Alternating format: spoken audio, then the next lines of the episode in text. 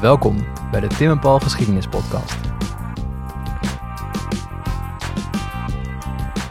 Tim en Paul lopen wel eens langs die Amsterdamse grachten. Maar achter al het glans van die statige panden zit soms een grimmig verleden. We zijn in Leiden om af te spreken met Ramona Negron en Jessica den Oudste. We praten met ze over hun onderzoek en aanstaande publicatie over de particuliere slavenhandel in Amsterdam.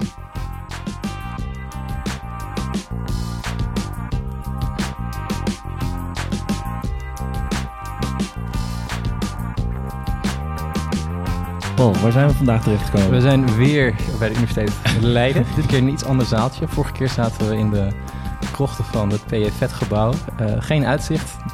En nu wel. Ja. Prachtig uitkijken op de, de Hortus. Er is een hele grote vogel of een vlieger aan het vliegen daar. Um, maar Paul, belangrijker, we Ja. zitten in de Heuse Podcast Studio. ja, met dank aan Thomas. Ja. Wij in, eh, Vanaf in- de flight deck zitten ja, we hier. zitten wij hier met onze eigen apparatuur. Met 28 microfoons en een camera en 26 eh, koptelefoons. Maar we zijn er. Maar Paul, met Ja. wie zitten we hier vandaag? Ja, wij zijn met eh vier vandaag en we zitten tegenover Ramona Negron en Jessica, den oudste. Welkom. Dankjewel. Eh, want jullie hebben net een boek geschreven. Eh, die is op het moment van opname nog niet uit. Klopt. Ehm, dat gaat nog een maandje of twee, drie duren, maar het is wel af in principe, toch? Ja. ja. Ja. En dat gaat over iets wat een onderwerp denk ik wat ons wel aan het hart ligt. Mateloos geïnteresseerd, zou ik durven Dat zeggen. zou ik ook durven zeggen. Ehm, want waar gaat het over? Over de slavenhandel in Amsterdam. En specifiek over de grote slavenhandelaren van Amsterdam. En dat waren Jochem Matthijs en Koenraad Smit. Ehm, en daar gaat het boek eigenlijk over.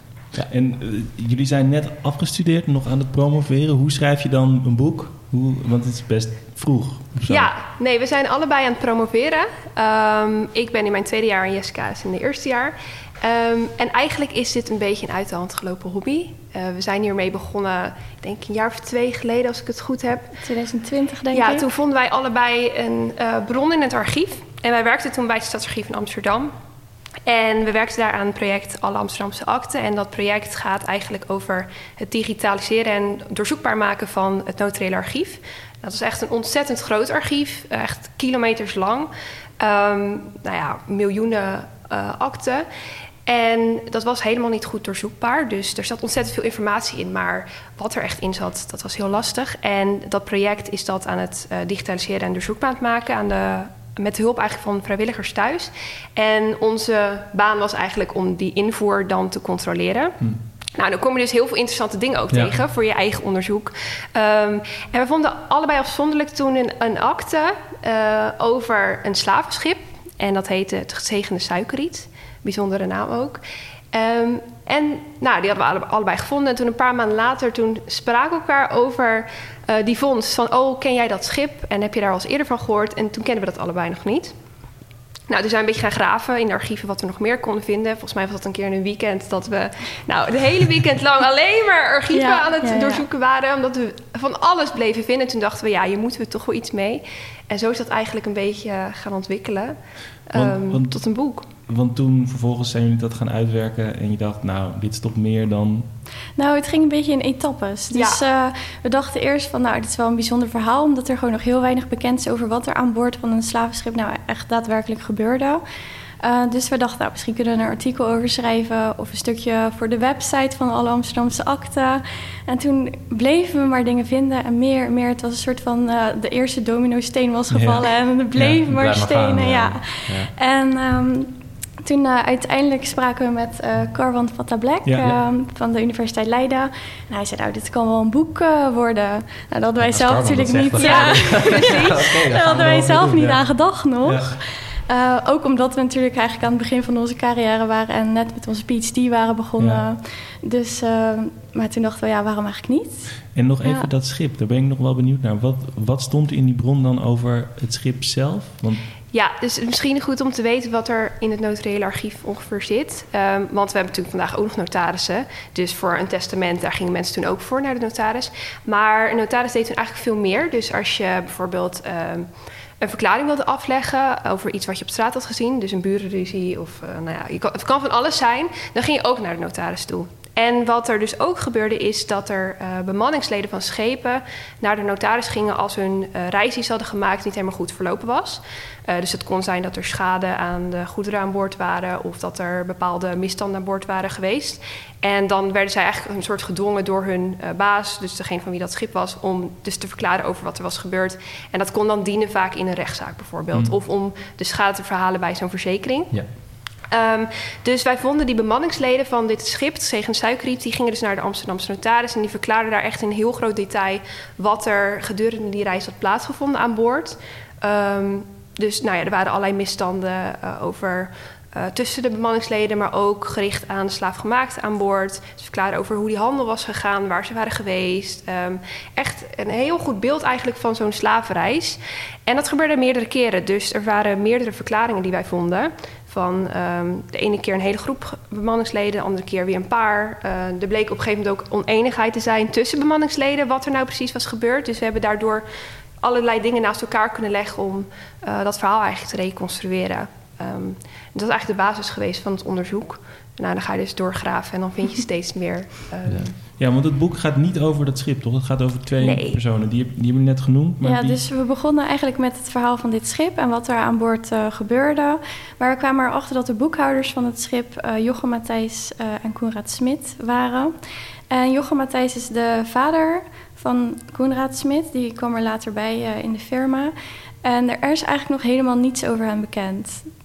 Dat was heel opvallend, want nou ja, we bleven maar doorzoeken en meer vinden. En uiteindelijk zijn we dus achtergekomen dat zij de grootste slaafhandelaren van uh, Amsterdam waren ja, in de 18e eeuw. Dat is wel gek, want ja. er wordt natuurlijk heel veel onderzoeken gedaan, ja. zeker op dit moment, naar deze geschiedenis. Mm. Uh, en je hebt wel het idee bij bepaalde families van, oh ja, die deden dit, zeg maar, en die woonden daar. En dat is redelijk goed in kaart gebracht volgens mij. Maar als je dan in één keer erachter komt van, hé, hey, deze twee mensen zijn de grootste...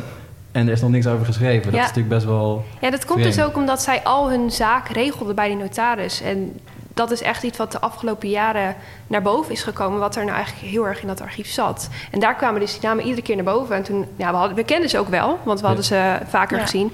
Maar we wisten ook niet goed wat die relatie nou was. Wie was Jochem Matthijs en wie was Koenraad? We dachten eerst, zijn het misschien broers?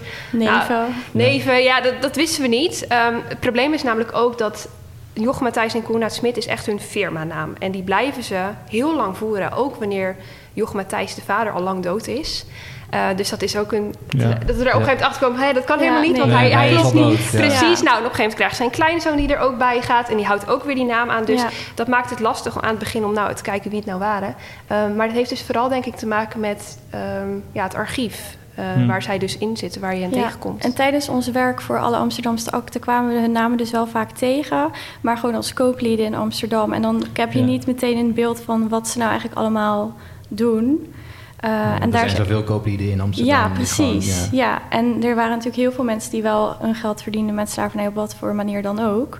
Uh, maar zij waren echt slavenhandelaren die zelf slavenschepen uitreden. Dus dat ja. is wel een. Uh... En ze zijn denk ik ook wel bijzonder in de zin dat we hebben uiteindelijk een, een heel overzicht eigenlijk van de private slavenhandel in Amsterdam, dus door particulieren, um, ja, kunnen reconstrueren eigenlijk, ook door bronnen uit het West-Indische Compagniearchief. En wat daaruit blijkt is dat zij eigenlijk de enige waren die echt consequent die schepen uitreden. Er waren een paar andere kooplieden die zich ook bemoeiden met de slaafhandel. Uh, die schepen vanuit Amsterdam lieten vertrekken. Uh, maar dat zijn er redelijk weinig. Of als in, die, die hadden dan een paar schepen, twee, drie. En ja, dan alsof ze, er weer mee. alsof ze het even uitprobeerden. Ja, het is voor velen echt meer een van, experiment. En zij zijn echt degene die... Nou, ze hebben 42 ja. uh, slavenreizen uh, gedaan met hun schepen. En daar zijn ze echt wel uniek in. Dat zij... Dat, dat was echt een core business, want, zeg maar. Want hoe werkte dat? Hebben zij gewoon op een gegeven moment dan een schip gehuurd of zo? En wanneer begint het ongeveer? Ja, dit is, uh, ja, dit is, dit is eigenlijk een, denk ik een, een, een lang, lang verhaal. verhaal. Ja. Um, we hebben de tijd. Hoor. Nou, precies. ja. um, in 1621 wordt natuurlijk de West-Indische Compagnie ja. opgericht. Ja. Daar hebben jullie volgens mij ook al eerder uh, over gesproken in andere afleveringen. Ja. Um, en dat betekent dat die West-Indische Compagnie, de WIC, dus het alleenrecht heeft op de nou, West-Afrikaanse handel en uh, transatlantische handel. Dus ook de slavenhandel. Dus in theorie zou dat betekenen dat er eigenlijk niemand anders zich mee mocht bemoeien. Er mocht niemand een slaafschip uitreden. Um, alleen de WIC dus. Nou, en eigenlijk is daar al vanaf het begin gedoe over. Er zijn heel veel ko kooplieden die dat zelf willen doen. En dat mag natuurlijk niet. Ja. Um, Nou, in 1674 gaat de WC ook failliet. Uh, oorlog met Brazilië heeft heel veel geld gekost en de compagnie is eigenlijk weinig winstgevend geweest. Maar er wordt dan weer een herstart gemaakt, omdat er toch wel wordt gezien dat de WC Um, dat er grote belangen zijn, vooral in het Caribisch gebied, want het is ook een beheerder van koloniën in die tijd.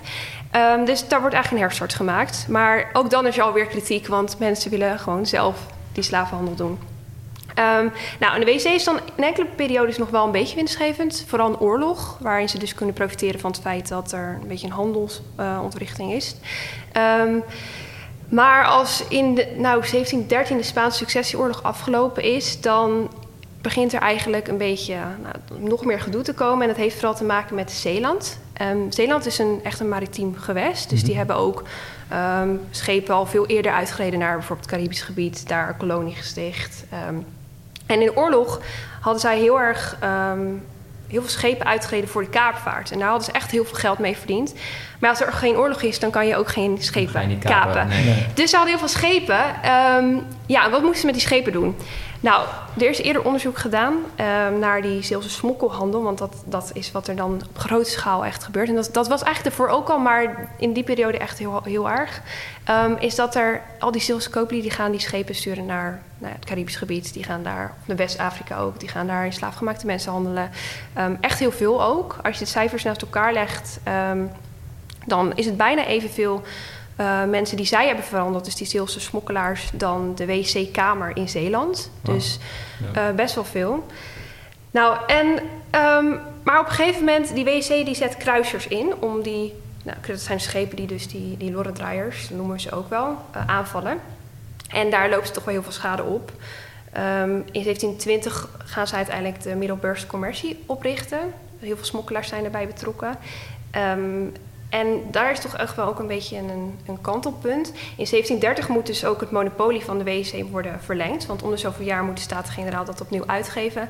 Ja, en dan is er toch echt wel heel erg vanuit Zeeland vooral een, een, een roep eigenlijk van... kunnen, we, kunnen we dit niet openstellen voor iedereen? Met name voor ons. Ja, precies. Met name voor Zeeland inderdaad. Met name voor Zeeland. En um, nou ja, uiteindelijk ziet de WC ook wel in dat het misschien beter is om dat te doen. Um, dus langzaam verliest de WC dan haar monopolie. Dus uh, eerst de West-Afrikaanse handel, dan de slavenhandel en dan in 1738 uiteindelijk ook de slavenhandel op Suriname. Dus dan vanaf dat jaar kan iedereen die dat wil eigenlijk een, een schip uitreden voor de slavenhandel. En dan moest je wel de WC uh, wat geld betalen om dat te doen. dat is ook een beetje hun. Precies, ja, En dat is ook waar de WC dan vervolgens aan gaat verdienen, natuurlijk. Um, dus eigenlijk vanaf 1738 komt die private slavenhandel vooral op. En wat je ziet is dat vooral dus Zeeland daar heel erg bij betrokken is. Daar zitten echt de grootste slavenhandelaren van de 18e eeuw. Um, maar ook door de rest van de republiek. Dus in, in Rotterdam heb je Koopstad en Rogessen, dat is wel een bekende uh, firma. Um, maar over Amsterdam wisten we dus nog niet heel erg veel. Um, en wat we dus ja, zien is dat Jochem Matthijs en Koenraad Smit daar echt de grootste waren. En dus ook als je ze vergelijkt met andere slavenhandelaren uit die tijd, uh, bijvoorbeeld die uit Zeeland, ook soms wel meer mensen uh, verhandeld hebben dan die daar uh, of op een gelijke, mm-hmm. gelijke nummers. Weten jullie hoe zij in die business gekomen zijn, zeg maar. Waren ze al bezig, waren ze, hebben ze ooit gewerkt bij de Middelburgse Commercie Company? Of zijn ze gewoon, dat, dat nou, wat jullie net zeiden van, we gaan het een keer proberen. Ja. Jochem Matthijs uh, komt uit Hamburg uh, in Duitsland en hij uh, emigreert naar Amsterdam. rond 1720 denken we zelf, omdat we hem dan terugvinden in het lidmatenregister van de Lutherse Kerk. Mm. En hij is op dat moment al getrouwd met Sofia Catharina Plata. En zij is ook een Duitse. Wat hij aan het begin, echt de beginjaren in Amsterdam precies doet, weten we niet. Omdat het dus nog niet uit de notariële bronnen naar voorschijn, tevoorschijn is gekomen. Dat kan nog uh, gaan gebeuren in de komende jaren. Uh, maar wat hij dan vanaf de jaren 30 doet, is uh, gewoon koopvaardijschepen naar Suriname uitreden. Dus hij heeft zelf eigen, nou, hij heeft ze niet zelf gebouwd, maar hij laat schepen bouwen in Amsterdam. En die gaan, varen gewoon heen en weer naar Suriname. En die nemen goederen heen en weer mee terug. En hij heeft dus al een heel netwerk uh, van mensen in Suriname die hij kent en waar hij handel mee drijft. En dat kan hij dus eigenlijk gebruiken op het moment dat de slaafhandel wordt opengesteld. Dus vanaf dat moment heeft hij eigenlijk al een netwerk waar hij op kan voortbouwen. En, je kan er precies op het juiste moment instappen. Van, ja, eigenlijk wel, ja. ja. dus dat is uh, voor hem, ja, ik denk een interessante optie om dat eens te gaan proberen. En, en daar ben ik dan ook benieuwd naar. Wat, wat weet je van die man in Amsterdam? Eh, Hoe, Ja, waar woonden ze? Ja, waar, en was dat echt een soort van topklasse in de Ja, stad? in het begin niet. Dan wonen ze in de Raamgracht. Dus ook een beetje bij de oude Lutse- kerk Ja. in de buurt. Maar uiteindelijk zien we eh, de familie door de stad heen verhuizen. En dan gaan ze naar de Prinsengracht. En uiteindelijk hebben ze, wonen ze ook op de Keizersgracht. Ja. Dus stapje voor stapje gaan ze steeds, gaan ze steeds verder omhoog. Ja, dus... eh, Dus dan, dus dan zie je ook zeg maar aan die mobiliteit binnen de stad ook een sociale mobiliteit. Dat is echt zeg maar opklimmen. Ja, dat ze geld gaan verdienen. En wij weten dus niet precies hoeveel geld ze met wat hebben verdiend. Hm. Eh, omdat hun privé-administratie niet bewaard is gebleven. Eh, hij hield zijn kantoor aan huis, dus dat ze al die administratie zal bij hem thuis hebben gelegen. Maar wat er precies allemaal gebeurde, weten we niet. We weten alleen dingen doordat hij heel vaak naar de notaris ging en dat daar de akten zijn opgesteld eh, die nog bewaard zijn gebleven. En weet je ook iets over die schepen? Want dat blijft ook toch het grote raadsel. Hoe die slavenschepen er van binnen uitzagen. Ja, we weten dus wie ehm, zijn schepen bouwde. Ja? Eh, dat was Wessel in het Veld, een groot schepenmaker in Amsterdam. En hij eh, handelde daar heel veel mee. Ehm, eerst op de Kadijk en daarna de um, Nieuwe Timmerwerf. Ja. Ja, een beetje de oostelijke eilanden Ja, in de buurt. Ehm, en hij is ook Luthers. Hij heeft ook een Duitse achtergrond, dus misschien dat daar ook nog een soort link zit. En eh, ja, hij laat daar dus verschillende schepen bouwen, zowel voor de koopvaardij als voor slavenschepen. En we hebben wel de afmetingen gevonden, maar we weten niet precies hoe het er van binnen uitzag. Ja. Ja. gek dat dat zo, zo onduidelijk blijft. En misschien Ja. zoeken we ook wel iets wat niet bestaat. Hè? Dat, dit is eh, toch Ja. ook wel de... Dan kijk ik jou even aan als eh, kenner. Ehm, dit is toch ook de periode dat mensen nog niet echt schepen bouwen vanaf tekeningen. Het is toch... Mm, ja, wan- wanneer is, is hij begonnen hiermee? 17, wanneer zijn die 17? Ehm, het gezegende suikerriet wordt in 1743 gebouwd. Ja, dat is wel, ja, Net- dat is nog net dan. net ervoor Ja. inderdaad. Dat, maar ja, je had natuurlijk wel op, op- op dat moment bepaalde voorschriften en omschrijvingen van formaten van schepen. Maar het is vooral denk ik, wat onbekend is, is de indeling aan boord. Ja. Ja. Dus dat we niet Klopt. weten waar die mensen zaten. En het verhaal is toch altijd dat ze dan normale koopvaardijschepen kochten en dan naar West-Afrika voeren. Ja. Een soort van onderweg vertimmerden. Ja. Ja. En dat het dan op de terugweg weer ruimte gemaakt werd voor... Ja, dat is de, de driehoekshandel. eh Precies. Boten, Ja. zeg maar toch? Ja. Van, Ja. Eerst van Amsterdam, van eh, de Republiek naar Afrika. En vanaf daar die lading met mensen dan naar Suriname, Brazilië. En vanaf daar met suiker dan weer Ja. terug. Dus dan heb je één schip met drie verschillende ja. laadruimtes nodig Ja. eigenlijk. Dus dan Wat dus ook vertimmerd wordt. Om Ja. de- werd er in die akte wel iets gezegd over het soort schip wat ze kochten? Eh, fluitschip. Ja. Ja. Ja. Classic. eh Ja. Classic fluitschip. overal, Ja, fluitschip. Ja. Altijd eh, graanhandel, mensenhandel. Kan Maar eh, hij heeft dus ook, hij laat ook schepen bouwen voor de gewone koopvaardij. En die blijven dan ook alleen maar, die worden alleen maar gebruikt voor de koopvaardij. En hij laat ook aparte slavenschepen bouwen. Ja. maar dat, maar dat dus wordt dat wel in die misschien tijd slavenschip genoemd. Ja. Dat is Ja. wel een omschrijving slavenschip. Maar dat Ja. is wel Ja. opmerkelijk dan. Ja, hij laat Ja. echt specifiek schepen bouwen voor de slaafhandel Ja. en specifiek voor de gewone koopvaardij. En die worden niet gewisseld tussendoor. Nee. Sick. Ja, dat is wel... Ja, dat is wel leuk. Ja, ik ben benieuwd naar het boek, eh Ja. Ja. ja, ja, ehm, ja, zijn die mensen ook in Suriname geweest? Dat weten we niet. Nee, en dat is echt. We hebben een hint dat dat zou kunnen zijn. Ehm, er is namelijk wel bekend die schepen die dus naar Suriname waren, wie daar als passagiers aan boord waren. Ah, het is niet ja. helemaal compleet, maar eh, soms wel. En daar is dus een, een Johan Matthijs Smit. En dat zou in principe kunnen met eh, de data die we nu hebben. Dat is in 1751 uit mijn hoofd. Ja. En een jaar eerder is zijn zoon Koen inderdaad bij de firma gekomen. Dus het is niet zo dat als hij weg zou gaan, Jochem Matthijs, dat hij dan eh, dat zijn hele firma. Precies, ja, ja. hij- dat wordt gewoon dat draaiende gehouden, dus dat zou kunnen. Ja, dus hij heeft dan even... Hij zou dan even Ja. een moment kunnen... Ja, Nou ja, precies. Ehm, hebben, het ja. is ook een interessante periode omdat er in Suriname dan heel veel gedoe is. Dus eh, de gouverneur en de planters al daar. Dus misschien Hmm. dat hij daar. eh, Even eventueel nog een belang had. zaak, ja. Ehm, maar we weten het niet helemaal zeker. Ehm, wat we wel zien is dat in de bronnen die dus bewaard zijn gebleven, die we nu kunnen doorzoeken, is er inderdaad een soort gat in de periode dat hij daar zou moeten kunnen zijn. In die bronnen. Dus we zien geen Jochem Matthijs Smit Hij terug in de periode in Amsterdam. ondertekend. Nee, hij heeft niks zelf ondertekend. Dus het zou, het zou kunnen, maar omdat er dus Johan staat. Twijfelen ja, we wel. Jochem is dat... Uh, ja, en we hebben hem ook niet teruggevonden in de bronnen in Suriname. Dus we hebben daar ook geen bewijs dat hij daar is geweest. Dus of hij in Suriname is geweest, weten we niet. Het is wel interessant dat hij dus wel een heel netwerk daar al had. Um, nou ja, waarschijnlijk in de jaren twintig dat hij in Amsterdam komt.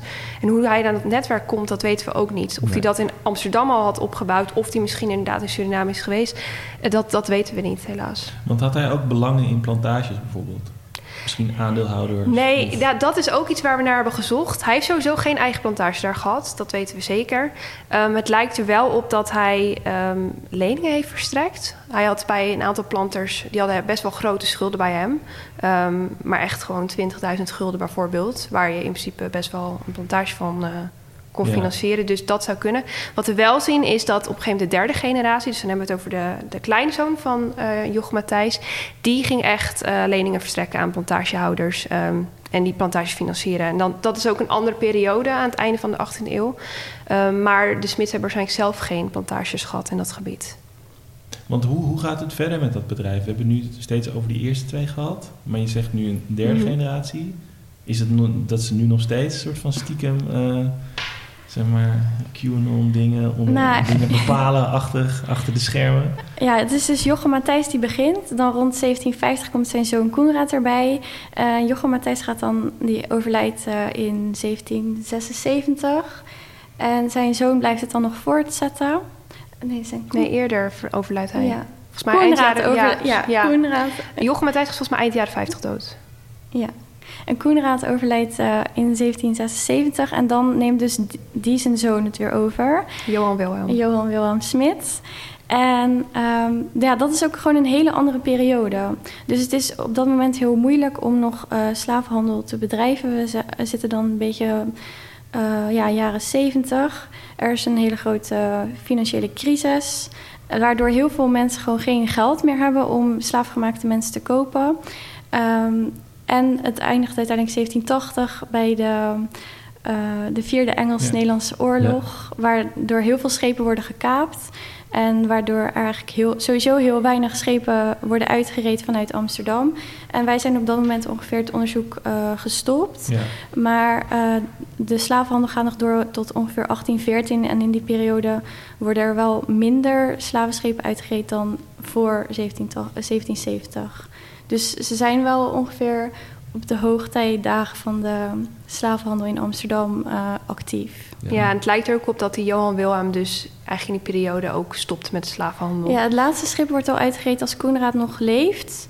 En als dat schip 79 is dat. Ja, als, dat is als het schip terugkomt. Ja. En um, dan... Um, ja, daarna stoppen ze gewoon. Okay. Dat is ja, alsof ze het soort van aanvoelden van dit is. Uh, ze zijn eigenlijk in de jaren zeventig gewoon een beetje de enige die nog uh, handelen vanuit Amsterdam. Er is nog uh, iets, wel een aantal andere, maar heel weinig.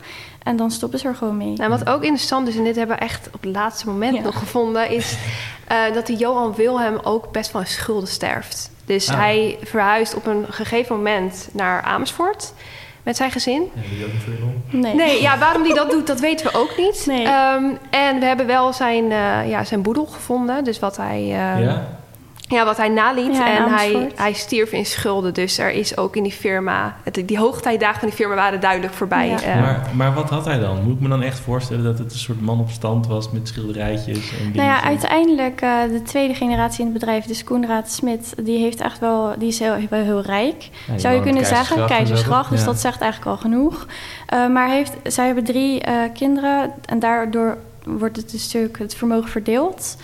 En um, ja, jo of Johan Wilhelm krijgt daar een deel van. En hij heeft een heel groot gezin. Ik denk wel een stuk of 10, 11 ja. kinderen. Um, ja, een heel aantal daarvan trouwen ook niet. Dat is ook heel opvallend. En ja, de slavenhandel, uh, daar kan hij denk ik... Nou, daar kan hij niet mee verder. Dus het is een beetje wel... Een Bij een medelijden met... Uh, nou, zeker niet. Zeker niet. um, maar het is, ja, het is een beetje lastig om dat precies uit te vinden, omdat de notariële akten dan ook nog niet zo goed zijn geïndexeerd. Dus dat is nog uh, gaande. Dus wat er precies gebeurt, weten we niet. Maar uiteindelijk vertrekt het hele gezin dus naar Amersfoort. En um, ja, dan blijft er niet veel over. Misschien dat hij gewoon meer geld uitgaf dan die uh, ja. kon uitgeven. Ja. Maar dus dat zij stoppen daarmee is dan, dat is niet een soort morele inkeer. Dat is gewoon puur, waarschijnlijk gewoon een puur financiële beslissing. Ja, ja dat past heel erg eigenlijk ook in de ontwikkeling van de tijd. Ja. En maar nog even over de tijd zelf. Zo van, jullie hebben deze familie nu bekeken, maar hoe was het veld verder? Want jullie zeggen deze sprongen er helemaal bovenuit. wat kan je zeggen over de andere handelaren? Die andere handelaren, het lijkt voor hen toch wel meer een soort experiment geweest te zijn. Dus zij reden dan uh, nou, de grootste doen bijvoorbeeld zes schepen, geloof ik. Ja. Um, in totaal? ja, in totaal. Dus we hebben een voorbeeld. Uh, Pieter Volkmar heet hij. Um, hij was later ook directeur-generaal uh, in West-Afrika. Dus hij had ook een, een, baan bij de WEC. Nou, hij heeft dan bijvoorbeeld zes, schepen, geloof ik. En zijn broer doet er ook een paar. Um, maar verder zijn het echt kleinere handelaren die echt twee, drie schepen uitreden. En die dus verder gewoon andere handel bedreven. En dat, dat kon van alles zijn. Dat kon gewone koopvaardij zijn naar Suriname, maar ook, nou ja, uh, totaal andere handel eigenlijk. ja, precies. en die fluitschepen weer voor nodig. Ja, weer die fluitschepen. En ja, die Smit zijn daar echt echt een soort uniek in, in Amsterdam in die tijd dat dit echt hun, hun business is. Hmm. En bij die anderen is het doorgaan. Ja, ze blijven doorgaan. Ook een hele lange tijd natuurlijk, decennia lang. Um, en die anderen die doen een paar schepen en dan, dan, dan stoppen ze er weer mee. En hebben jullie dan ook, want dit is allemaal notariële acties, maar er is verder geen correspondentie daartussen, tussen vader en zoon, et cetera? een soort van, Nog niet gevonden. Ja, ik ga niet zeggen dat het er niet is, want je weet nooit nee, wat wie weet ligt er ergens op zolder een heel archief. Ja, als je maar, luistert en je woont op de Keizersgracht, ga even ergens kijken. Let us know. maar nog niet gevonden, nee. Um, ik had net een hele goede vraag, maar iets mee vond. Iets schoot het in. um, want ja, die, die handel die stopt op een gegeven moment dan. Um, hoe, in hoeverre is het sentiment, want we hadden het even over, oké, het is een financiële beslissing en het past heel goed in de tijd, maar is er dan al een soort eind 18e eeuw, begin 19e eeuw dan een soort anti-slavernijbeweging in Nederland? Ja, ik zou. Het is niet onze expertise, dus voordat ik dingen ga zeggen die niet kloppen. Um, nou, is er sowieso altijd kritiek geweest op slavenhandel. Ook al in de 17e eeuw toen de WGC werd opgericht. Toen moest er ook heel erg een soort argument worden gevonden waarom er überhaupt in slaafgemaakte mensen zou moeten worden gehandeld. De Republiek was heel erg uniek aan het begin dat ze zeiden: wij doen dat niet, want dat, dat past niet bij uh, ons geloof of wat, waar wij voor staan. Die Spanjaarden doen dat. Precies, dat, dat, doen de Spanjaarden, de katholieken, die doen dat. Um, dus daar moest ook even een omschakeling worden gevonden. Dus er is eigenlijk sinds dat moment altijd kritiek geweest en er waren ook mensen die zich daarin uh, in uiten. Um, maar wat je wel denk ik ziet, is dat aan, de, aan, het einde van de 18e eeuw en aan het begin van de 19e eeuw, als er ook steeds meer echt bekend wordt over die wereld, dat er steeds meer reisverslagen naar buiten komen en mensen die zelf vertellen hoe zij dat daar hebben gezien. Een uh, heel bekend voorbeeld is uh, John Gabriel Stedman, die, in, die in Suriname is geweest, was een Schots-Nederlands officier. Um, en die is aan het einde van de 18e eeuw dus ook in Suriname geweest. Interessant is dat hij dus ook beschrijving heeft gegeven van plantages... waarvan wij weten dat de mensen die verhandeld werden... door het gezegende suikerriet daar terecht zijn gekomen. Oh, wow. Dus misschien dat hun nakomelingen of zij zelf daar nog leeft op dat moment. En hij geeft daar beschrijving over wat er dan op zo'n plantage gebeurt. En dat heeft toch wel... Um, ja, een, een, een, een, ander, geeft een ander beeld. En mensen zijn daar wel van onder de indruk. Dat is ook dat boek met die, um, dat, ook die tekeningen. Die ja, precies. Hele bekende die, tekeningen. Bekende Engelse ja. tekenaar, daar hebben wij... Een, Blake? Blake, ja. ja. Blake heeft daar ja. uh, verschrikkelijke tekeningen van uh, Precies, en die, ja, en die, die gaan natuurlijk ook rond. Dus mensen zien die wel. En uh, dat zie je aan het einde van de 18e eeuw denk ik wel steeds vaker. En um, nou, in 1814 wordt dus ook de slaafhandel afgeschaft. Ja, maar nog niet de slavernij. Niet slavernij, nee. dat is belangrijk om te vermelden inderdaad. Um, maar dit is wel inderdaad een periode waarin er meer uh, van dit soort ideeën naar boven komen. Ja. Maar was het niet ook dat, zeg maar, ik weet niet of dat waar is, maar dat heb ik ergens misschien gehoord, dat de mensen die in slaven handelden, tot slaafgemaakte handelden, in de tijd zelf ook werden gezien zo van, oeh, zijn niet hele beste vogels. Of valt dat wel mee? Weet ik niet. Durf, nee. Nee, dat zou ik niet durven zeggen. Want, zou ik niet durven kunnen jullie zeggen. iets zeggen over hun maatschappelijke status? Dat waren gewoon... Nou ja, wat je natuurlijk wel aan het ook vooral aan het begin ziet, dus ook wel in de 17e eeuw. Uh, want er zijn ook mensen die um, uh, ook de WC bijvoorbeeld schepen lenen, dat soort dingen. Um, dat zijn vaak wel gewoon mensen die burgemeester zijn of die, die eh, groot aanzien hebben in zo'n samenleving. Dus ik zou zeggen dat dat dan sowieso niet zo is. Ja, en de andere boekhouders uh, die we hebben gevonden zijn ook wel gewoon grote kooplieden in Amsterdam. Ja, bekende precies. namen. Hmm. Ja, en dus- juist ook omdat het heel vaak zo is dat zij andere handel ook doen. Dus het is niet per se. Kijk, die smits wel, maar die andere kooplieden die zich daarmee bemoeien, die doen ook andere dingen. Dus ja, dat, dat durf ik niet te zeggen. Nee. Nee. Oké.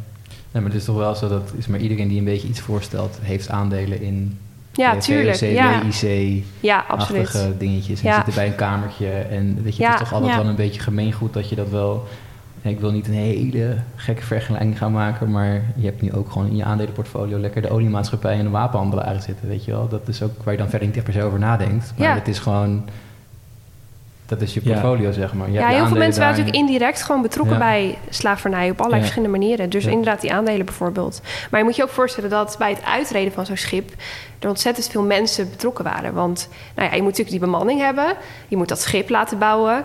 Ehm, maar je moet bijvoorbeeld ook al dat eten wat aan boord moet worden gebracht. Om niet alleen die bemanning, maar ook die honderden mensen die later aan boord komen te voeden. Ehm, geweer, buskruid, de spullen die je gaat verhandelen in West-Afrika, uh, slavenboeien, dat soort dingen. Ehm, je moet heel veel mensen eigenlijk hebben die dat allemaal voor jou kunnen regelen om zo'n slaafreis te organiseren. Heb je daar ook, ook informatie over hoe dat dan waar ze dat kochten. Want dat is van uh, het VOC-schip Amsterdam, hè, van Jesse. Mhm. Die heeft een soort van hele inventarislijst van alle winkels waar spullen gekocht zijn voor dat schip. Ja, dat hebben we helaas niet. En dat, heeft dus ook te maken met het feit dat we dat archief, ja, als het nog bestaat... We, nou hun eigen archief bedoel Nee, precies. Maar wat we wel weten is um, wie er aandelen hadden in dit schip specifiek het gezegende suikerriet. Of in ieder geval een deel daarvan, laat ik het zo zeggen. En wat je daar dus ook ziet, is dat, dat bijvoorbeeld... Nou, Wessel in het Veld, die scheepmaker... die heeft meerdere aandelen in verschillende schepen. Maar ook uh, een brouwerij. Dus brouwerij je kan de Zwaan. Brouwerij de Zwaan, inderdaad. Nou, waarschijnlijk zullen die dan als brouwerij uh, drank hebben geleverd aan dat schip. Dus dat, dat, dat zie je dus wel uh, daar terug. Ja en, en weet je ook dingen over die bemanning? Wat voor soort mensen dat waren? Ja, ja we heel veel. weten best wel veel zelfs. Ja, ja. ja er moet eventjes uh, bij verteld worden dus dat er van de MCC wel een heel uh, personeelsarchief bewaard is gebleven. Dus uh, van schepen van de MCC, de Middelburgse Commerciecompagnie, zij is er bekend wie er aan boord werkte. Omdat er monsterrollen bewaard hm. zijn gebleven, waarop dus stond wie welke functie had en hoeveel ze daarbij verdienden. Voor veel private sla slaafhandelaren is dat niet het geval. Daar is niks van bewaard gebleven. Maar door ons onderzoek in het notariële archief hebben we dus wel een heel aantal um, namen van bemanningsleden kunnen vinden. Onder andere van het uh, gezegende suikerriet. Daar weten we eigenlijk alle namen van de bemanningsleden. Hoeveel mensen waren dat? Um, 31. Okay. Gingen, daarmee gingen vertrokken zijn. Dat is eigenlijk wel een uh, normaal aantal. Want ja. het uh, was ongeveer één bemanningslid per tien tot slaafgemaakte mensen. En we denken ook dat het, het schip ongeveer... Ja, de bronnen verschillen een beetje over hoeveel mm. mensen er uiteindelijk aan boord uh, waren. Maar we denken rond 320. Um, mm. Waarvan dan 30 bemanning en de rest tot slaafgemaakt? Of? Uh, nee, oh. 320 tot slaafgemaakt. Oh, ja. ja, en die contracten, want die hebben we dus gevonden. Er staat specifiek dat er ongeveer 320 mensen moeten worden verhandeld. Dus. Ja. En we weten gezegd in Suikerriet inderdaad de bronnen verschillen... maar dat er ongeveer 300 in ieder geval in Suriname zijn verkocht. Ja, ja. en dan dus- vertrokken ze dus met meer mensen... want onderweg zijn er ja. een heel aantal gestorven. En die bemanning, waren dat Nederlanders? Kwamen die... Nee, het zijn heel veel uh, Scandinaviërs en ook Duitsers... Uh, wat dus wel opvallend is, is dat um, bij de Smits uh, ook veel kapiteins en hoge officieren uit Duitsland en Scandinavië kwamen. Terwijl dat bij de MCC uh, ehm, en in, ja, in Zeeland dus minder vaak gebeurde. Dus er waren, waren echt zeeuwen dan? Of, ja, ja, vooral de kapiteins. Ja. Dus er waren wel hoge officieren die uit andere landen kwamen, maar uh, de kapiteins waren overwegend Zeeuws. En dat is in, uh, bij Jochem Matthijs en Conrad Smit dus niet het geval. En dat zou natuurlijk ook kunnen doordat zij zelf ook uh, een Duitse achtergrond hadden.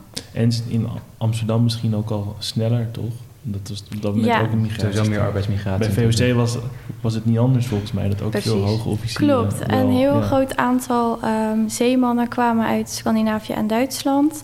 En uh, het is dus ook ja, niet opvallend dat nee, dat nee, zo ja. is. Want op gewone koopvaardijschepen en de VOC voeren inderdaad ook heel veel Scandinaviërs en Duitsers. Uh, maar het is dus wel opvallend dat ook hun hogere officieren en kapiteins allemaal... Uh, dat dat geen Hollanders zijn, zeg maar. Ja, nee, een migratieachtergrond hadden. En in die bemanning, was dat dan, bleven die dan op schepen varen van de familie Smit? Of was het juist dat ze dan ook naar de VOC gingen? Ja. Of noemen ze een Nou ja, we hebben dus contracten gevonden uh, van de latere reizen. Dus vanaf het moment dat de Koenraad Smit bij de firma komt, uh, worden er contracten bij de notaris opgesteld. En dat, zijn dus, uh, dat gaat alleen over de kapiteins en de hogere officieren. Mm -hmm. Dus dat is de eerste stuurman, de tweede stuurman en de derde waak, de derde stuurman en de chirurgijn.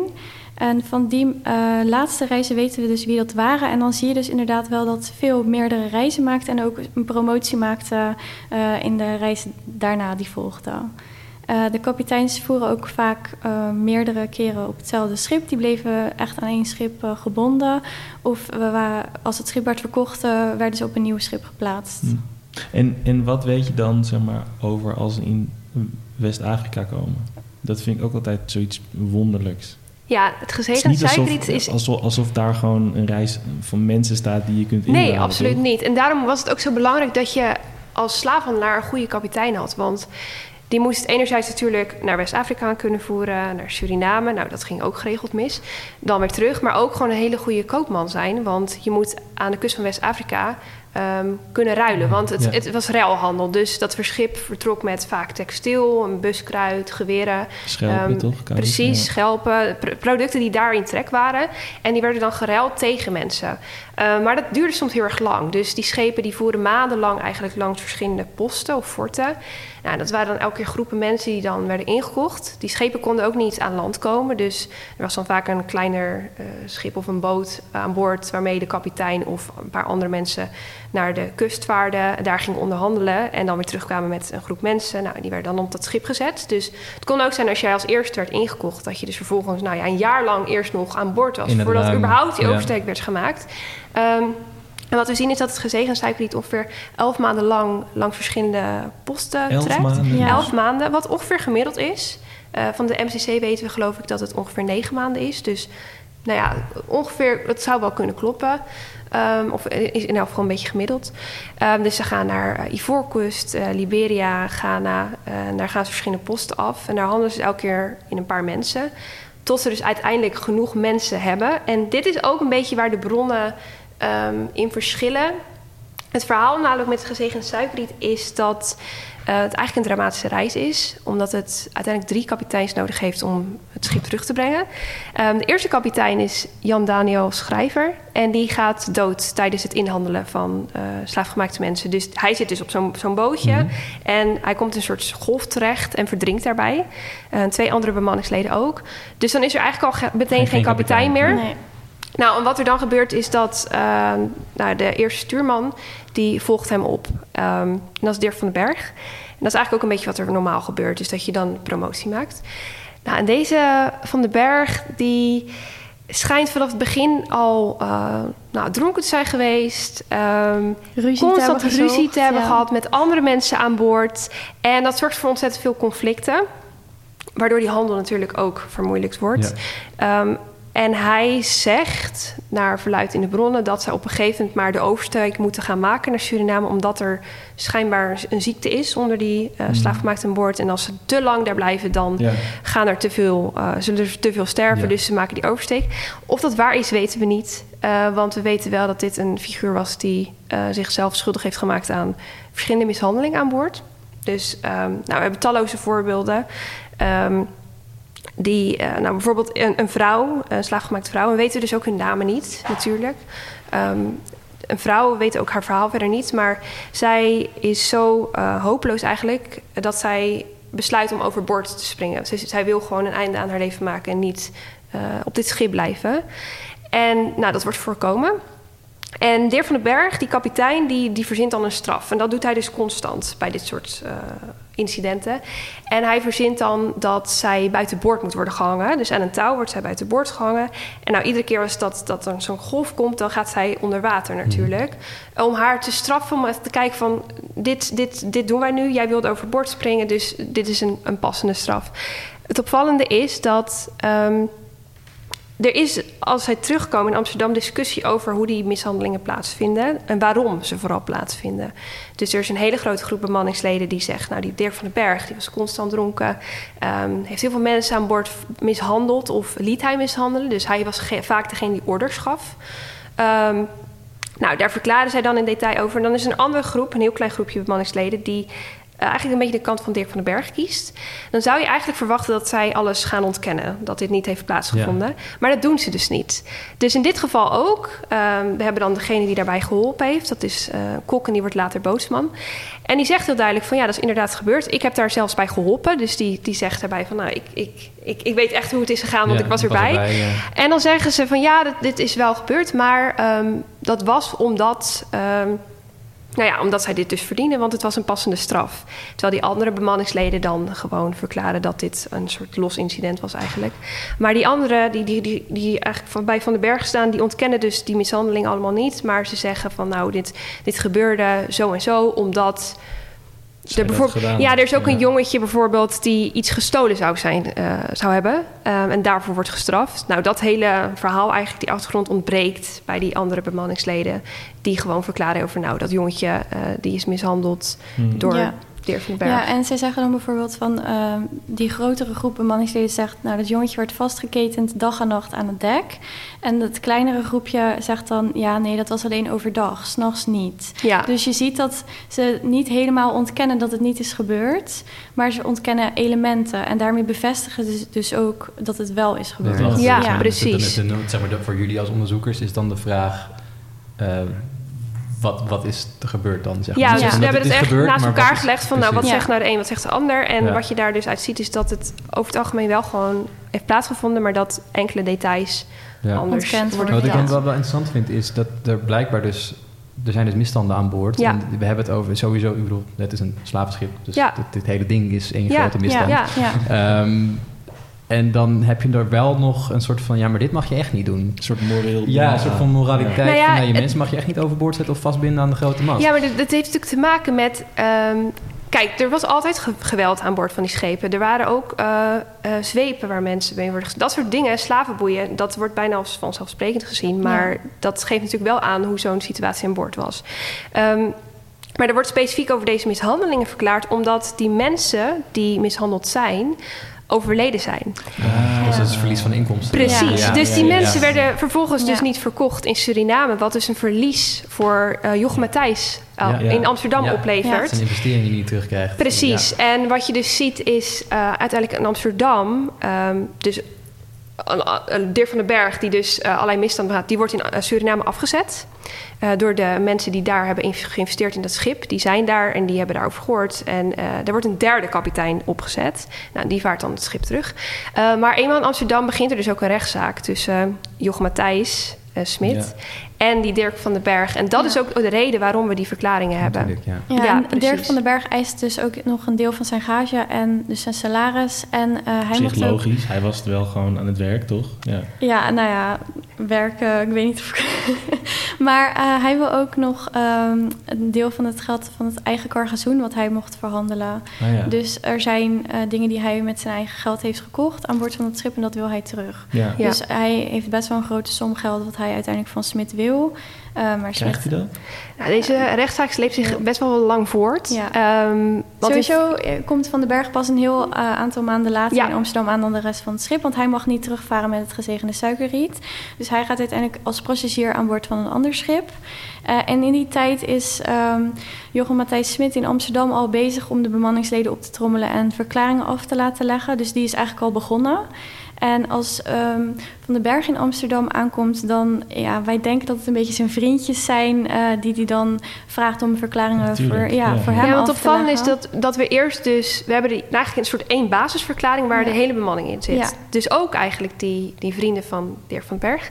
En die komen dus later om zijn beurt terug bij een andere notaris ook. Uh, zeggen ze ja, we waren daarbij, maar um, we zijn het toch niet helemaal eens met hoe het is gegaan. Ze zeggen dan precies, dus, dus het is toch iets anders. Um, eentje daarbij is opvallend, die, die zegt ja, ik uh, kom uit Noorwegen en ik uh, snapte Nederlands nog helemaal niet zo goed. En ja, ja ik, ik, wil het nu opnieuw ver verklaren. Ja. Anderen zeggen inderdaad van ja, we werden gedwongen om te verklaren. Want de anders notaris we, zou hen ja, zelfs nog bedreigd hebben. Ja, anders kregen we ons schage niet. Dus, um, en, maar dit is echt vaak een jaar later pas. Um, ja.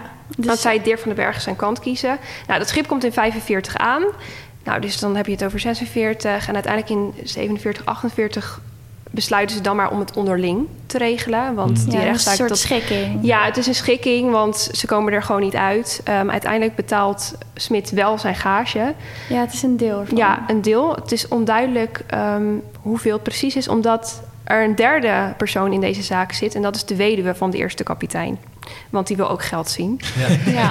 Eh, Gewoon ja, heel beetje precies. Dus het Ja. is eigenlijk een zaak tussen uh, Jochem Matthijs Smit, eh, Dirk van den Berg, dus die kapitein, en de weduwe van de eerste kapitein. Wauw. Ja, en eh, S- Smit ja. schikt dus met hun beiden tegelijkertijd. Dus het is niet helemaal duidelijk wat, wie wat krijgt. Ja. Maar in ieder geval heeft hij dus sowieso een deel van zijn gage uitbetaald Ja, gekregen. wat ik- en, en dus niet vervolgd. Dat is wat ook ik belangrijk. zo vet vind hieraan is, ik bedoel, dit is natuurlijk het onderwerp, misschien niet de goede woordkeuze die ik net zei, maar dit hele verhaal reconstrueren jullie nu zeg maar gewoon op Ja. basis van eigenlijk gewoon een rechtszaak en zeg maar juridische bronnen en Notariële jurisprudentie en akte. Ja, vooral. ja, ja. Maar in principe, dat is vrij zakelijke informatie wat daarin staat. Maar dan- aan, de, aan daarvan kun je dus wel zeggen... ja, die tweede kapitein, dat is een van dronken maloot. En eh, dit en dat. En die andere vent, die is, eh, die is overleden. En zijn vrouw Ja. Is precies uit de sloep geslagen. En eh, dan krijg je meteen natuurlijk een heel beeld van zo'n... ja, ook van die, eh, van die tweede kapitein... maar ook gewoon van zo'n reis en de Ja, nasleep daarvan. precies. Ja. Het zijn vaak heel veel details die we bij elkaar hebben gelegd en ook in verschillende archieven hebben gezocht. Want we hebben ook nog in Suriname natuurlijk eh, in de Surinaamse archieven gezocht naar documenten. Daardoor weten we ook dat Dirk van den Bergen nog een tijdje in Suriname blijft. eh, en eh, hij is daar eigenlijk al heel zeker van dat hij zijn geld terugkrijgt, want hij geeft gewoon veel geld uit. En dan Mhm. zegt hij, nou, ik krijg het wel weer als ik in Amsterdam ben. Dus hij is wel zeker van zijn zaak dat het gewoon goed gaat komen. En eh, ja, met de weduwe is ook nog wel een eh, eh, bijzonder verhaal, want zij noemt haar zoontje dus eh Jochem Matthijs. Ja, die Ja, wordt geboren dus het- tijdens de reis. Ja, Ja. en dan is eh, haar man dus op zee en die komt nooit terug. Dus eh, ja, het zoontje overlijdt ook, maar haar man ook. Dus zij, ehm, ja, zij schijnt wel in eerste instantie een goede band te hebben met Jochem Matthijs Smit. Ja, want ze zijn er ook bij als dat kind Ja, gedoopt wordt. die zijn getuigen. eh Jochem Matthijs Smit en zijn vrouw zijn getuigen bij de doop van haar zoon. En het zoontje heet dus ook Jochem Matthijs. Ja, dat doe je ook niet zomaar. Dus, nee, maar. dat doe je ja. niet Precies. Nee, maar uiteindelijk eh, ja, gaat het helemaal mis en belandt ze in een rechtszaak. En dat komt waarschijnlijk omdat eh, Jan Daniel Schrijver zoveel schulden had. Voordat hij eh, vertrok had hij voor 14.000 gulden geleend bij allerlei kooplieden en ook familieleden van haar. En die willen natuurlijk allemaal het geld terugzien en dat heeft zij gewoon niet. Nee. Dus zij moet wel naar Jochem Matthijs toe om geld te eisen. Ja. En dat lukt? Deels. ja, deels, Deels. Maar het is lang niet genoeg om al die Nee. crediteuren af te betalen. Nee. Nee. Het is ook wel een beetje ironisch dat we zoveel weten dus over die bemanning en over die boekhouders en over de, reder, ja, de reders. Maar dat we die mensen, dat is getal hè. Ja. Ja, de slaafgemaakte mensen. Ja, Ja, die ja, zijn ja. maar het heel, zijn er eh, 300 en die 300. Ja, het zijn getallen en- van- We hebben geen namen. Er is er eentje die heeft een naam. Maar dat is dus de naam die de bemanning aan hem gaf. Ja. ja. Kapotje heet hij. Kapotje, ja. Dat is de enige die een naam heeft. We weten, wat wel dus uniek is, dat we waarschijnlijk weten naar welke plantages zij zijn gegaan. Hm. Omdat er dus heel veel investeerders in Suriname woonden die plantages hadden. Dus het is aannemelijk dat de mensen die dus verhandeld werden door Smit daar terechtkwamen. Maar wie zij waren en wat hun verhaal was, eh, waar ze vandaan kwamen, hoe oud ze Ja. waren, dat weten we allemaal niet. Nee. Wat ook bijzonder is bij de Smits, en daar verschillen ze ook wel in als, als we kijken naar andere slaafhandelaren, is dat zij in hun contract heel duidelijk zijn over wie zij eh, willen verhandelen, welke mensen. Ze zeggen niet per se waar ze vandaan moeten komen, want dat zien we bij andere ehm slaafhandelaren wel. Maar ze zeggen ja, we willen dat er mensen worden ingekocht die tussen de 10 en de 20 jaar oud zijn. En dat is erg jong, Hmm. want de WIC, nou ja, die keek vaak naar mensen tussen de 15 en de 36. Of 34, 36 volgens mij uit mijn hoofd. Ehm, maar zij hebben echt heel specifiek dat, dat 10 tot 20, dat willen ze. Dus eigenlijk hebben we het dan gewoon over kinderen Ja. die aan boord zijn. Ehm, waardoor je dus ook misschien anders naar moet kijken. Dus als er over een vrouw wordt gesproken of een man... zou dat ook kunnen betekenen dat dat een, Een meisje van ja, 11 is. Ja, of Ja. van 14. Of, Ja. ja. dat ehm, is niet helemaal duidelijk uit de bronnen. Maar het geeft wel aan dat de Smits dus een ander idee hadden... over wie er dan winstgevend waren voor hun firma. Of wie er misschien op zo'n plantage in Suriname Ja. gewild was. Ehm, wat dus anders is dan dat we tot nu toe wisten Hm. over de slaafhandel. Ja. Interessant. Ja, Ja, dat is wel zo van, ja, dan heb je 300 mensen die ja. onder de 20 Ja. zijn, eh, die meegaan. ja en er zullen vast ook oudere mensen aan boord zijn Ja. geweest. Want het is natuurlijk ook eh, lastig om Het is ook dan... een ding van vraag en aanbod, Ja. toch? Precies. Ehm, maar het geeft wel aan dat, dat dat dus wel de groep was waar zij geïnteresseerd in waren. Ja. En je noemde net ook dat uh, dat schip dan elf maanden voor de kust heeft uh, gelegen. Ja. Ik heb altijd een beetje meegekregen dat het, het, de grote plaats op de Afrikaanse kust waar de slavenhandelaren komen, dat is Elmina. Mm -hmm. Toch? Ja. Maar dat is dus dan niet dat ze daar automatisch heen gaan, daar Nee. als eerste te kijken van Nee. wat valt hier te halen. Nee, Ehm, daar komen ze uiteindelijk ook aan. Eh, dat is ook onder andere een plek waar een aantal bemanningsleden worden afgezet. Want eh, er zijn er een paar die moeilijk doen aan boord, die ehm, ruzie hebben met elkaar. Er zijn er een paar die willen al eerder van boord afgaan. Want nou ja, die, volgens mij willen ze. Ze worden op een gegeven moment zelfs door de kapitein eraf gestuurd. Maar die neemt ze later dan weer in dienst. Een beetje onduidelijk waarom. Eh, maar die wordt daar bijvoorbeeld dan ook afgezet en in het fort opgesloten. En ze komen daar wel, maar ze zijn daarvoor ook al allerlei plaatsen afgegaan. En daarna ook nog wel een paar. Ehm, dus dat is niet per se de plek waar ze Nee. meteen naartoe vaarden, voeren. Ja, ik, ja, Je wilde daar iets over vragen, Paul, volgens mij. Ja, nou ja, ik heb me dat nooit helemaal gerealiseerd dan, zeg maar. Dat je dan... eh, want het hele, het hele idee is natuurlijk... alles moet zo efficiënt mogelijk ingericht worden. Hè? Want we hadden het net even over de driehoekshandel. En het is één schip en drie ladingen. En dat gaat allemaal soort van nou ja, gestroomlijnd in het proces, zeg maar. Maar dan is de, de grootste hiccup... is dan De tijd die de Ja. tijd het kost Ja. om die mensen te, Absoluut. te kopen. Ja. vinden. Te vinden, te kopen. En, en dan ook wat jullie net zeiden van... Dan, als je als eerste Ja. aan boord gaat... dat je daar dus gewoon elf maanden zit. Ja, Ja, ik denk dat ruim. veel mensen zich dat nu niet realiseren. Nee, dat nee. je dus eigenlijk al een jaar in zo'n schip opgesloten zat... voor je überhaupt de oversteek ging maken naar een kolonie aan de overkant. Dus dat, eh, ja, dat is een hele lange tijd. Ja. Waarin je dus echt in een hele kleine ruimte zit opgesloten. Ja. Als je dat al overleefde natuurlijk. Want aan de kust van Afrika gingen ook al veel mensen dood. ja. Dus voordat ze echt... ja. Ja, zeker. En dat zijn dan ziektes of... eh, Ja, ja. Hoe is het afgelopen met het schip? Nou ja, het schip ehm, Ja, komt het dus schip. na, nou ja, die komt in mei, juni, juli 45 terug in Amsterdam. Dat schip blijft varen, dus Het gaat een paar maanden Ja. later, vertrekt het alweer voor de tweede reis. ja, dus de derde Dus- kapitein, dat is Jonas Rust, dat was ook een Scandinaviër, die dus in Suriname erop was gezet omdat Dirk van den Berg eraf Mhm. moest. Die blijft ook de kapitein en die blijft daar een aantal jaar gewoon met dat schip varen. Ja. Ehm, het wordt Tot hij eh, overlijdt en dan volgt de opperstuurman hem weer op. En uiteindelijk wordt dan het schip in 1755 verkocht. Ja. Eh, dus dan heeft het best wel lang eh, gevaren. ja, Het dus meer dan tien jaar. Ja. 12, eh, 12 jaar gevaren. En ehm, En waarom Ja, wordt dan het wordt dan het- verkocht? Weet je dat? waarschijnlijk is Stuk? het dan gewoon... Of, Ja, als het, als het Op. van de eerste reis terugkomt, is ook bekend dat het schade heeft. Dus er zitten houtwormen in. Ja. eh, Ja, dus ja, het moet al gerepareerd worden. Ja, eh, precies. Ehm, ja, en 12 jaar is ook best wel lang. Ja, voor en aan het einde van de laatste reis wat dat schip dus maakt... eh, lopen ze ook nog op de valreep schade op als ze in Amsterdam aankomen. Want dan vaart een ander schip tegen hen aan. Dus misschien, ja, het is allemaal... eh, misschien dat ze dus gewoon dachten van... nou, het is mooi geweest met Ja. dit schip. En ze lieten gewoon nog andere schepen bouwen daarna ook. Dus En waarschijnlijk werd Ja. het schip ook niet meer voor de slaafhandel gebruikt. Want het wordt aan iemand verkocht die geen bekende slaafhandelaar is. In ieder geval in. Amsterdam niet, dat Nee. weten we zeker. Dus en die namen veranderden ook natuurlijk als Ja. het schip werd verkocht. Ja, dus we weten ja. daarna niet meer wat... eh, Maar dit, dit was ook een fluitschip. ja, ja. Ook interessant. Ja, Ja. dus het ook gewoon naar de Polen kunnen Ja. gaan. daarna. ja, nou, misschien Ja. is dat dus Ja, gebeurd. dat zou zomaar ja. kunnen, ja. Paul, we zijn alweer bijna een uur onderweg. Gaat lekker weer. Dus, dus ik heb nog wel één vraag. Ja, ga je gang. Ehm, ja, het is een beetje luguber misschien, maar wat zij meenamen naar de West-Afrikaanse kust waren dus voornamelijk schelpen, eh, dat soort spullen, misschien Mhm. geweren soms Ja, ook wel. klopt. Weet je iets, weten jullie iets over de winstmarge daarop? Misschien, Nee. want ik kan me voorstellen, en het is misschien met mijn hè, 21ste, 22ste, weet ik niet eens, een nu bril, ehm, zo van, eh, dat moeten enorme winsten geweest zijn als je met een zakje schelpen een ruim vol met, met mensen mee terugneemt. Ja, nou ja, die ruilgoederen werden inderdaad dus verhandeld voor slaafgemaakte mensen. We hebben dus geen bronnen waarin staat zoveel schelpen voor één man bijvoorbeeld. ja. Nou, die werden vervolgens natuurlijk in Suriname dan verkocht. En dan kwam er weer suiker, koffie, eh, cacao mee. En dat werd dus door Smit vervolgens weer in Amsterdam verkocht. We weten niet voor hoeveel deze mensen zijn verkocht in Suriname. Hmm. Maar die contracten geven wel een beetje een beeld. Omdat ehm, die kapiteins en die bemanningsleden... die kregen bonussen als ze een bepaald aantal eh, mensen hadden verhandeld. Dus de Smits zeiden... nou, we willen dat jullie 320 slaafgemaakte mensen eh, verhandelen. Ja. Nou, dat kon afwijken. Maar dan zei hij wel, als de eh, winst... en dat verschilt een beetje in de tijd... maar dat lag meestal rond de 100.000 tot 120 aan omzet. Sorry, ik zei winst, maar ik bedoel omzet. Omzet, ja. Omzet, dan kreeg de kapitein bijvoorbeeld... een bonus van 1000 of 1200 gulden.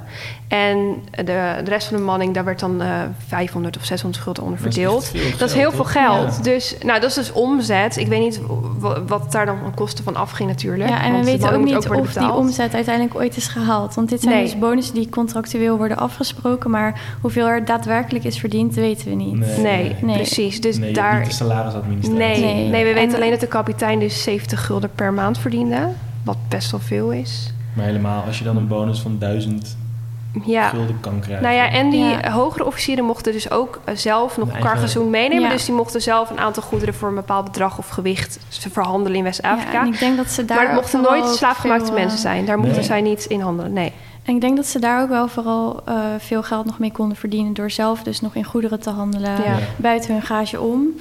En ehm, ja, voor de armere bemannings... de lagere rangen kon dat natuurlijk niet. Die, maar eh, gebeurde het dan niet stiekem toch ja, wel? waarschijnlijk ja, wel. dat, dat Er weten we ook eigenlijk wel een beetje uit de Ook eh, bronnen. één testament waarin staat dat die man eh, zelf drank aan boord had en verhandelde. Dus Maar het is toch ook bekend van de V- VOC dat er gewoon Ja. mensen dan Ja. juist wel Ja, slaven zeker, ja. meenamen in Precies. hun eigen luikje. Ja, zo van, mag dit doen, ja. Ja, bij de VOC was dat wel weer ietsje anders, Ja. denk ik. Ehm, omdat het daar ook een soort normaler was dat de kapitein en de hoge officieren zelf iemand aan boord hadden die eh, ja, hun slaafgemaakte persoon eigenlijk die hun Mhm. hielp. En dat is denk ik Nee. anders eh, met echt de driehoekshandel. Eh, wij hebben niet gevonden dat ze zelf eh, slaafgemaakte mensen kochten voor zichzelf. Hm. Dat hebben we niet kunnen vinden. Nee, en als ze Eh, dat wel- zouden doen, dan zouden dus ook een hele eh, salaris Ja. eigenlijk... eh, Dat uh, riskeerden ze eigenlijk Ja. alles mee. Ja. Ja. Ja. En het is ook even ook heel ook luguber en praktisch. Het is ook iets moeilijker smokkelen. Een, een mens. Ja. Dan Ja. een paar flessen drank of een pistool of wat je Ja. kan verkopen, denk ik. Toch ja. ja. Ehm, ik wil geen hetsen creëren tegen de mensen die er nu wonen. Maar weet u toevallig het adres op de Keizersgracht waar, dit, waar, deze, waar dit bedrijf Nee, zat? de bronnen zijn daar heel onduidelijk over. Want vroeger had je natuurlijk geen huisnummers. Nee. Ehm, dus dan is het eh, nou, de Prinsgracht tussen die straat en die Ja. eh, hoek Ja. van de straat. Ehm, Tweede huis, ja. ja, en ik moet zeggen, we hebben zelf wel ook nog een beetje ge- gekeken daarvan of we iets van sporen konden zien. Want je hebt natuurlijk wel bepaalde panden waar dan... een Gevelsteen, ja, gevelsteen Ja. of iets. Maar dat, nee, dat, dat is er niet. Dus we, we weten het niet. Nee, Nee. het is het echt te vaag om Om geen dat... baksteen eh, door de ruiten gooien daar. nee, en dat heeft nee. iets Ja, ze Nee, dat ook we nog niet. ergens, maar dat is al een beetje aan het einde van de 18e eeuw... hebben ze ergens nog een pand dat tegenover de oude Schouwburg geweest zou moeten zijn.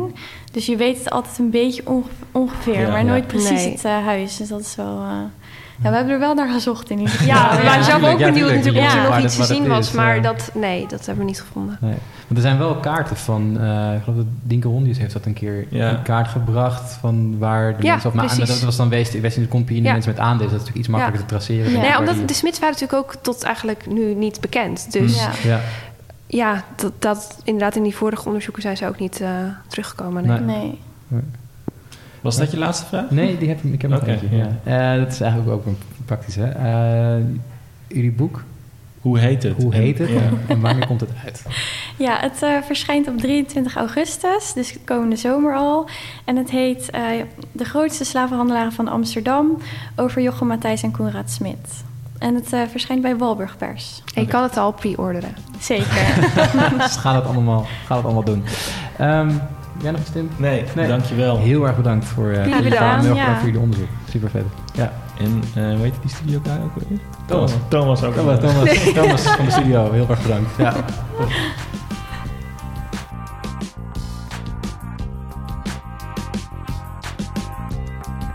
Je luisterde naar de Tim en Paul Geschiedenispodcast. Een onafhankelijke podcast van Tim Streefkerk en Paul de Jong. Met muziek van Mart Jenninga. Vond je dit nou een interessant verhaal? Laat dan een recensie achter. Dat wordt zeer gewaardeerd. En vergeet ons ook niet te volgen via Instagram of Facebook. En mis je een onderwerp? Contacteer ons dan via de socials of stuur gewoon een ouderwets mailtje naar info.geschiedenispodcast.nl. Groetjes thuis.